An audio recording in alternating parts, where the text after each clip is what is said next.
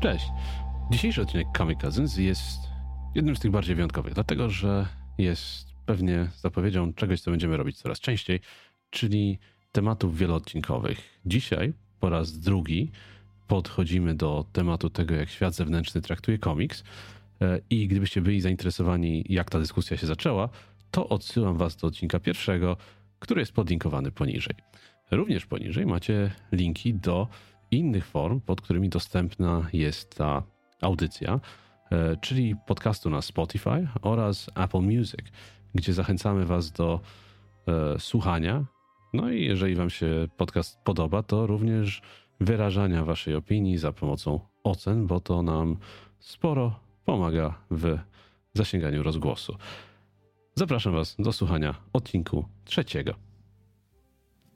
Jest jakaś taka bariera oparta na, na pewnego rodzaju snobizmie nawet, bym powiedział, bo zobacz, jest coś takiego nawet w świecie komiksowym, zwłaszcza jeżeli komiksem zajmuje się ktoś z zewnątrz, że w ogóle słowo komiks jest też tematem tabu, tak? Jeżeli mówimy o komiksie, to mówimy o czymś infantylnym i niedojrzałym, a jeżeli chcesz powiedzieć o czymś, co, co ma jakieś prawo wstępu do, do, do, do, do, do właśnie kanonu kultury wyższej, to, to, to, to już nie jest komiks, to jest powieść graficzna i, i, i, i, i nieważne, że ta powieść graficzna tak naprawdę była wydawana w odcinkach e, wcześniej i wszystko zostało zebrane o, o, w twardą okładkę i nagle z 12 odcinków komiksu stało się powieścią graficzną, tylko poprzez zmianę formy, ale brzmi to jakże lepiej. Nie? I to jest, to jest pewien objaw tego snobizmu, który mamy wobec, właśnie wobec komiksu, wobec, e, wobec wielu zjawisk, które przedstawiciele kultury wysokiej albo osoby mieniące się przedstawicielami kultury wysokiej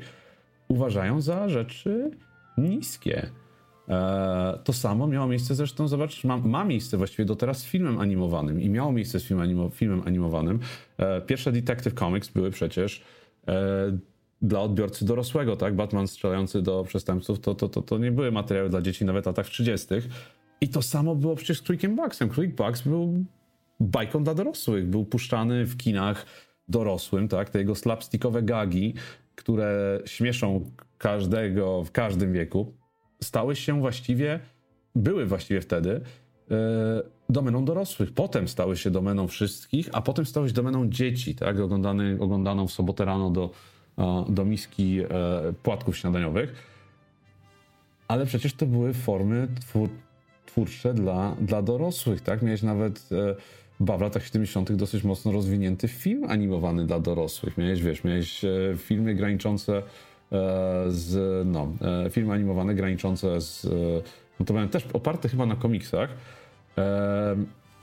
które graniczyły praktycznie z, no, z softcore porn,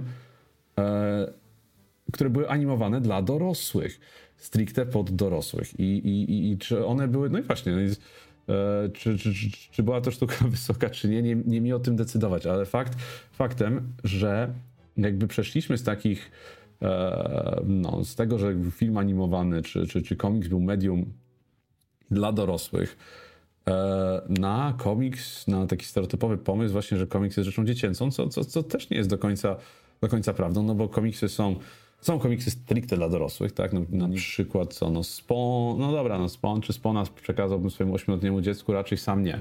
Jeżeli by chwycił sam Spawna, to, to, to też bym, to bym mu nie powiedział wyrzuć to natychmiast, ale, e, ale sam bym też mu nie dał. E, to samo ma się przecież z wszystkimi e, komiksami związanymi z, ze stajnią Dynamite chociażby, czy, ze, czy, czy, czy z większością właśnie, jeżeli mówimy o Spawnie, no to z większością rzeczy z Image ale z drugiej strony ja bardzo, bardzo chętnie sięgam do komiksów, które są, e, które są widziane jako komiksy dla dzieci, bo, bo też widzę w nich e, poza pięknymi rysunkami, tak mówię chociażby o Asterixie od Uderzo e, i gościnnego, e, ale między innymi wracam do chociażby komiksu Giganta, ale są też, mają też pewien przekaz, mają pewne rzeczy, które podobnie jak zresztą wyświechtany już dosyć mocno Shrek, tak? Zupełnie inaczej trafiają e, pewne dowcipy pod dorosłych, a zupełnie inaczej dowcipy trafiają pod dzieci, tak? No, Kajko i Kokosz chociażby tak ma e, Christy, że pewne rzeczy w Kajku i Kokoszu są e, kompletnie dla dzieciaków niezrozumiałe, a dorośli składają się z nich kompletnie ze śmiechu. I, i to wszystko jakby sprowadza nas znowu do tego tematu, który do, do, do, tego jakby do tego podejścia, o którym ty mówiłeś, że w, niekoniecznie jest to kwestia komiks, traktowania komiksu jako gatunku, bo to jest pewnego, pewnego rodzaju ślepy zaułek, a traktowanie komiksu jako medium, jako pewnego rodzaju sposobu przekazywania historii, jako pewnego rodzaju sposobu narracji, e, które pięknie się, które można pięknie wykorzystać e, przy, e, przy opowiadaniu właśnie, e, właśnie swojej historii.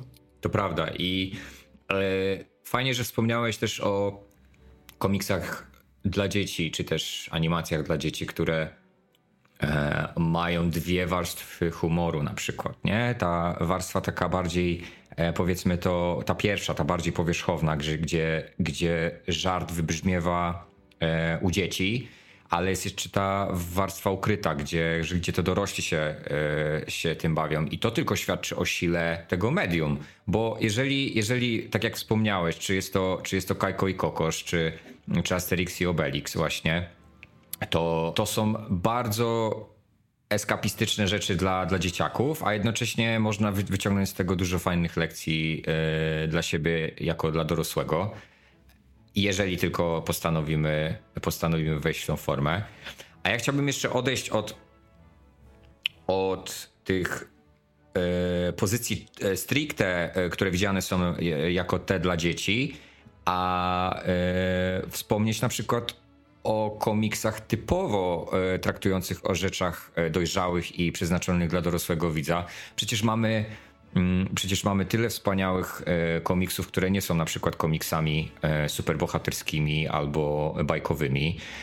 Mianowicie, no nie wiem, no chyba najsłynniejszy to będzie Maus Arta Spiegelmana, który opowiada o Holokauście. No, no umówmy się, temat, temat bardzo mocny. E, Ale też powiedziany w sposób, w którym, tak jak mówiłeś, no dosyć. E, o, no, no, no, przykład pierwszy z rzędu, przecież e, ja Mausa odkryłem, przepraszam, że tak wszedłem w paradę. Nie ma sprawy, absolutnie. Wchodź, wchodź. Bo z Mausem akurat, z Mausem akurat mam właśnie taką, takie osobiste doświadczenie, że e, ja Mausa odkryłem w ósmej klasie podstawówki, pierwszej klasie liceum, jakoś tak na tym przełomie i było to dla mnie komiksowe odkrycie praktycznie na skalę Torgala za dzieciaka, e, czyli coś zupełnie nowego i, i, i sposób, w jaki historia jest opowiedziana w Mausie był, był dla mnie czymś do tej pory niespotykanym, bo przecież użycie chociażby zwierząt, tak, poszczególnych e, gatunków zwierząt, żeby przedstawić poszczególne nacje e, i cech, które mimowolnie z tymi zwierzętami od czasów Ezopa kojarzymy, i dla mnie to było genialne. Natomiast dla osoby, dla osób dorosłych, którym tego Mausa przedstawiałem, to już nie trafiało do osób, które wiesz, które właśnie tak się mieniły znawcami literatury i to było na zasadzie,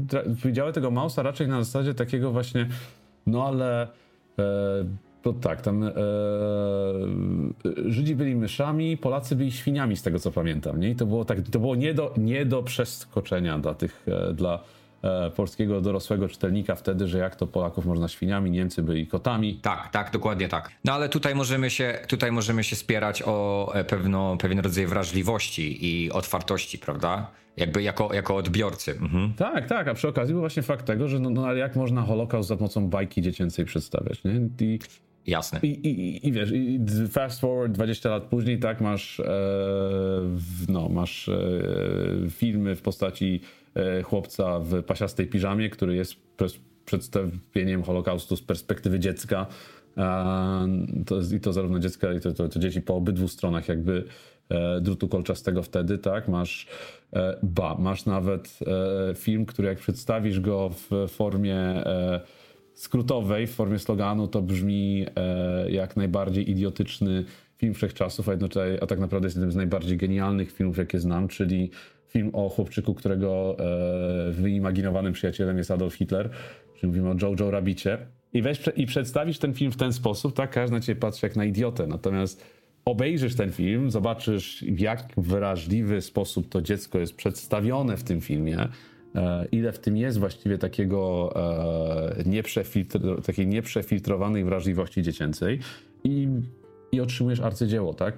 Dla mnie takim arcydziełem jest właśnie jest Maus. Mhm. E, tak, to prawda. Ciekawym jest to, że e, nie, do, do, nie do wszystkich to trafia, ale to, to, to jest jakby kwestia, kwestia nie tyle e, nie tyle samego medium, chociaż wspomniałeś, że ktoś mógł być oburzony tym, że historyjkom obrazkową dla dzieci pokazujemy tak poważny temat, ale bardziej wydaje mi się, że chodzi tutaj o pewną otwartość na, na różną formę i, tego, jak, jak, jak te, te, te osoba, z którą rozmawiałeś, niekoniecznie musiała być e, papierkiem lakmusowym dla, dla całego mm, społeczeństwa, bo wydaje mi się, że mimo wszystko jednak Maus robi robotę uniwersalnie. E, jak rozmawiam z ludźmi, którzy, którzy Maus przeczytali, to, to faktycznie e, ja miałem właśnie troszkę inne odczucia, to znaczy inne, inne, inne doświadczenia. Ludzie, ludzie faktycznie e, ogółem mówią, że to jest coś wspaniałego i e, mocna rzecz oczywiście, ale jakże, jakże yy, nietypowa i, i, yy, no i ciekawa. No dla, dla mnie to też jest, yy, dla mnie to też jest arcydzieło. E, przypomina mi się też, jak ja tego komiksu nie czytałem, ale przypomina mi się animacja, która była zrobiona na podstawie komiksu, e, mianowicie Persepolis. E, Persepolis przecież opowiada prawdziwą historię mm, dziewczynki, która żyła w Iranie w czasie rewolucji islamskiej. I no to jest, to jest coś niesamowitego. Ja, ja dopiero jak wyszła animacja, dowiedziałem się, że e, pierwowzorem był przecież komiks. I mamy tutaj, no e, zresztą e, trzeba wspomnieć, że tak jak, tak jak przy Persepolis taki Mouse były mm, komiksami czarno-białymi, co też ja zawsze sobie cenię bardzo ten, E, ten format, dlatego że to e, ta, ta surowość tego wy, wyrazu zawsze do mnie mocno przemawia, bo jakby ta tematyka jakby sprzyja temu, żeby tych, tych barw, e, te barwy odpuścić i, i czarno-biały, czarno-biała szata graficzna wybrzmiewa jeszcze bardziej. Ta, ta beznadzieja wojny i, i te, te, te dramatyczne przeżycia mm, zarówno w Maus i, i w, w Persepolis właśnie, właśnie tutaj bardziej wybrzmiewają. I, I, to jest kolejny przykład y, dzieła, które, które jest pokazane za pomocą obrazków. Ta krecha jest bardzo prosta, chociaż Maus jest dużo bardziej prosta. Tam jest surowość wręcz tej kreski. Natomiast Persepolis ma takie y, troszkę wymuskane te, te linie i one są takie dość czyste, a nadal, nadal mimo wszystko dość surowe. I, i jednocześnie opowiada o tak poważnych tematach, y, że nie sądzę, że ktokolwiek mógł przyjść obojętnie przy tym, bo nawet jeżeli porozmawiasz z kimś, słuchaj, z kimś, kto wyznaje kulturę wysoką i mówi, że on czyta tylko literaturę piękną, e, która powinna e, wybrzmiewać i powinniśmy się na nią zastanawiać. Najlepiej to w ogóle czytać ją w szalu i w golfie e, i e, sączyć drogą whisky e, albo wino. E, I, I mówiąc mu o tym, czy jej o tym, że e, masz taką pozycję jak Persepolis czy Maus, nie można przejść obok tego i powiedzieć, że to jest dzieło infantylne, albo jak można opowiadać historię za pomocą obrazków, która to historia przecież jest e, tak poważna, to przecież odejmuje tej historii powagę i to nie powinno mieć miejsca. Uważam, że jeżeli ktokolwiek tak mówi, e, zwyczajnie nie, mm, nie rozumie medium, jakim jest komiks i myślę, że to też może poniekąd sprowadzać się do tego, że wynika trochę z ignorancji, ale nie z takiej ignorancji, yy, która jest zamierzona. Yy, mo, może, może z niewiedzy. O, może w ten sposób będzie ładniejsze słowo niewiedza. I myślę, że myślę, że przy odpowiedniej częstotliwości czy wprowadzeniu yy, tych osób do, do tego medium zwyczajnie, zwyczajnie by się przekonały do tego, że, że to jednak jest dojrzalsza rzecz niż się na pierwszy odrzut oka wydaje. Jeszcze mi się na, nasuwa jedna rzecz. Chodzi mi o e, komiks, który e, wpadł mi w ręce jakiś czas temu e, mianowicie komiks o Niku Cave'ie. I to jest komiks też czarno-biały, który jest, w, który jest y, zapiskiem w pewnym sensie jego twórczości, a na podstawie y, tekstów jego piosenek. Te historie, które y, pojawiają się na kartach tej powieści graficznej. E, o widzisz, powieści graficznej, jak to szumnie brzmi. E, to, e, to one, one jakby są odzwierciedleniem jego, jego tekstów, więc tam jest bardzo taki mm, popłynięty, e, popłynięty, popłynięte historie, bardzo oniryczne, trochę z takiego pogranicza jawy i snu. Bardzo dziwne rzeczy się tam dzieją. Myślę, że, że, e, że jeżeli ktoś kiedykolwiek brał LSD albo jakieś grzyby, to, to może się z nimi e, utożsamiać. I absolutnie to nie jest rzecz dla dzieci. To jeżeli ktokolwiek, jeżeli jakiekolwiek dziecko usiądzie do tego, to myślę, że być lekko mogłoby być lekko straumatyzowane. E, to są rzeczy stricte dla dorosłych. E, tu akurat jeszcze bardziej e, niszowo, dlatego że warto znać twórczość Cave'a, bo wtedy dopiero możesz zrozumieć, co się dzieje w ogóle w tej, w tej powieści. I, no i to jest kolejny przykład tego, jak bardzo dojrzałe medium to jest. I to nie są tylko i wyłącznie historie o trykociarzach. Wiesz, a wspomniałeś właśnie przy tym, przy okazji um, Arta um, i, i Arta Spiegelmana i jego Mausa i uh, i Jezu, ja, ja, mam Persepolis właśnie na, na półce, łącznie z wszystkimi, obydwa, obydwa tomy właściwie, bo tam są dwa, tam były dwa tomy, był właśnie e, moment dorastania tej dziewczynki, po czym jej wyjazd już jako nastolatki do Austrii bodajże, do jakiej, i tam jej perypetii jako e, e, młodej Perski, Iranki mieszkającej właśnie w Austrii, trochę e, e, no, szukającej swojej własnej tożsamości, ale do, e, jakby tak jak wspomniałeś o tych e, środkach wyrazu i o tym, że to jest taka właśnie, że to, to, to że, że wcale to nie jest taka prosta forma, no to, to właśnie w Mausie i, i nie wiem, czy w Mausie jest to zamierzone, natomiast w przypadku Persepolis jest to jak najbardziej zamierzone. E, że forma odpowiada tutaj treści. To jest tak trochę jak e, w niektórych powieściach masz tego swojego e, no, narratora, na którym niekoniecznie warto polegać, który jest mało wiarygodny i masz zmianę tych narratorów, tak, w od punktu widzenia. No, tutaj George R. R. Martin trochę a propos fantasy się, się kłania, gdzie następuje zmiana też języka, którym się posługujesz, w od tego, którego bohatera bierzesz. I jeżeli bierzesz dziecko rzucone w wir e, rewolucji islamskiej w Iranie, która była zjawiskiem dziwnym, złożonym i do tego no, dla dziecka ciężkim do pojęcia, e, to użycie prostej formy aż się prosi, żeby ją użyć, myślę. E, wiesz, ta prosta kreska e, czyli ten świat dziecka, tak? I to widać zresztą potem właśnie, jak ona, jak ten, ta bohaterka ląduje w Austrii, że ta kreska trochę staje się bardziej, e, trochę mniej prosta, trochę bardziej e, dochodzi, dochodzi dochodzą pewne niuanse, e, ale to jest jeden do jednego proste widzenie świata przez dziecko, no i masz tą czerń i biel jako te kontrasty, jako ten... E, e, no, zamiast światło cienia, zamiast barw, tak, masz czarno-biały świat właśnie Iranu podczas rewolucji. E, które, który nie był, e, nie był miejscem zbyt, zbyt przyjaznym. Nie wiem, czy teraz jest, ale wtedy na pewno miał, miał swoje problemy. Tak, tam są tematyki, tam zresztą podjęta jest też tematyka e, wojny, późniejszej wojny irańsko-irackiej, która była też jednym z krwawszych konfliktów w tamtych, tamtych czasach. I, I tak jakby te czerń i biel też się o to prosi. W przypadku Mausa czerń i biel jest jak najbardziej też środkiem wyrazu, no bo, no bo mówimy o temacie, który jest dosyć ciężki. I przedstawienie go w kolorze byłoby byłoby, byłoby ciekawe.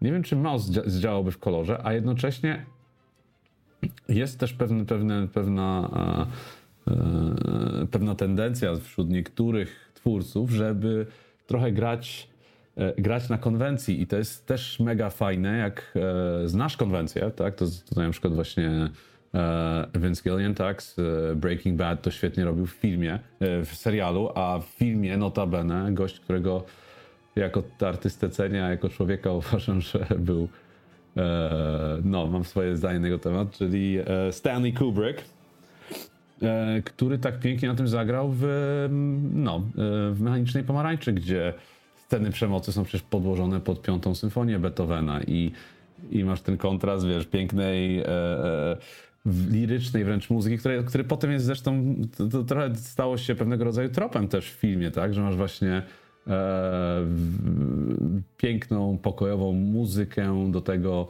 podłożone sceny e, no, niewyobrażalnej przemocy w, jak się od razu kłania przecież chyba Pluton, tak, że był czy Good Morning Vietnam, gdzie pod, e, bombardowa pod bombardowanie przecież napalmem e, dżungli i, i wiesz, i te niewyobrażalne cierpienie, które w tej dżungli następuje, jest podłożony Wonderful World e, tego e, Armstronga. I tym wątkiem muzycznym zakończymy pewnie odcinek tego, jak komiks i świat zewnętrzny i postrzeganie pewnych dzieł wpływa na to, jak są później albo współcześnie im odbierane. E, ale do muzyki i komiksu na pewno wrócimy, bo te dwie formy zawsze od już początku samego istnienia komiksu również się przenikały. Jak, gdzie i kiedy? O tym będziemy rozmawiać już wkrótce na łamach Comic Cousins. Żegnają Was Rafał i Marcin i mówimy do usłyszenia już w przyszłym tygodniu. Na razie.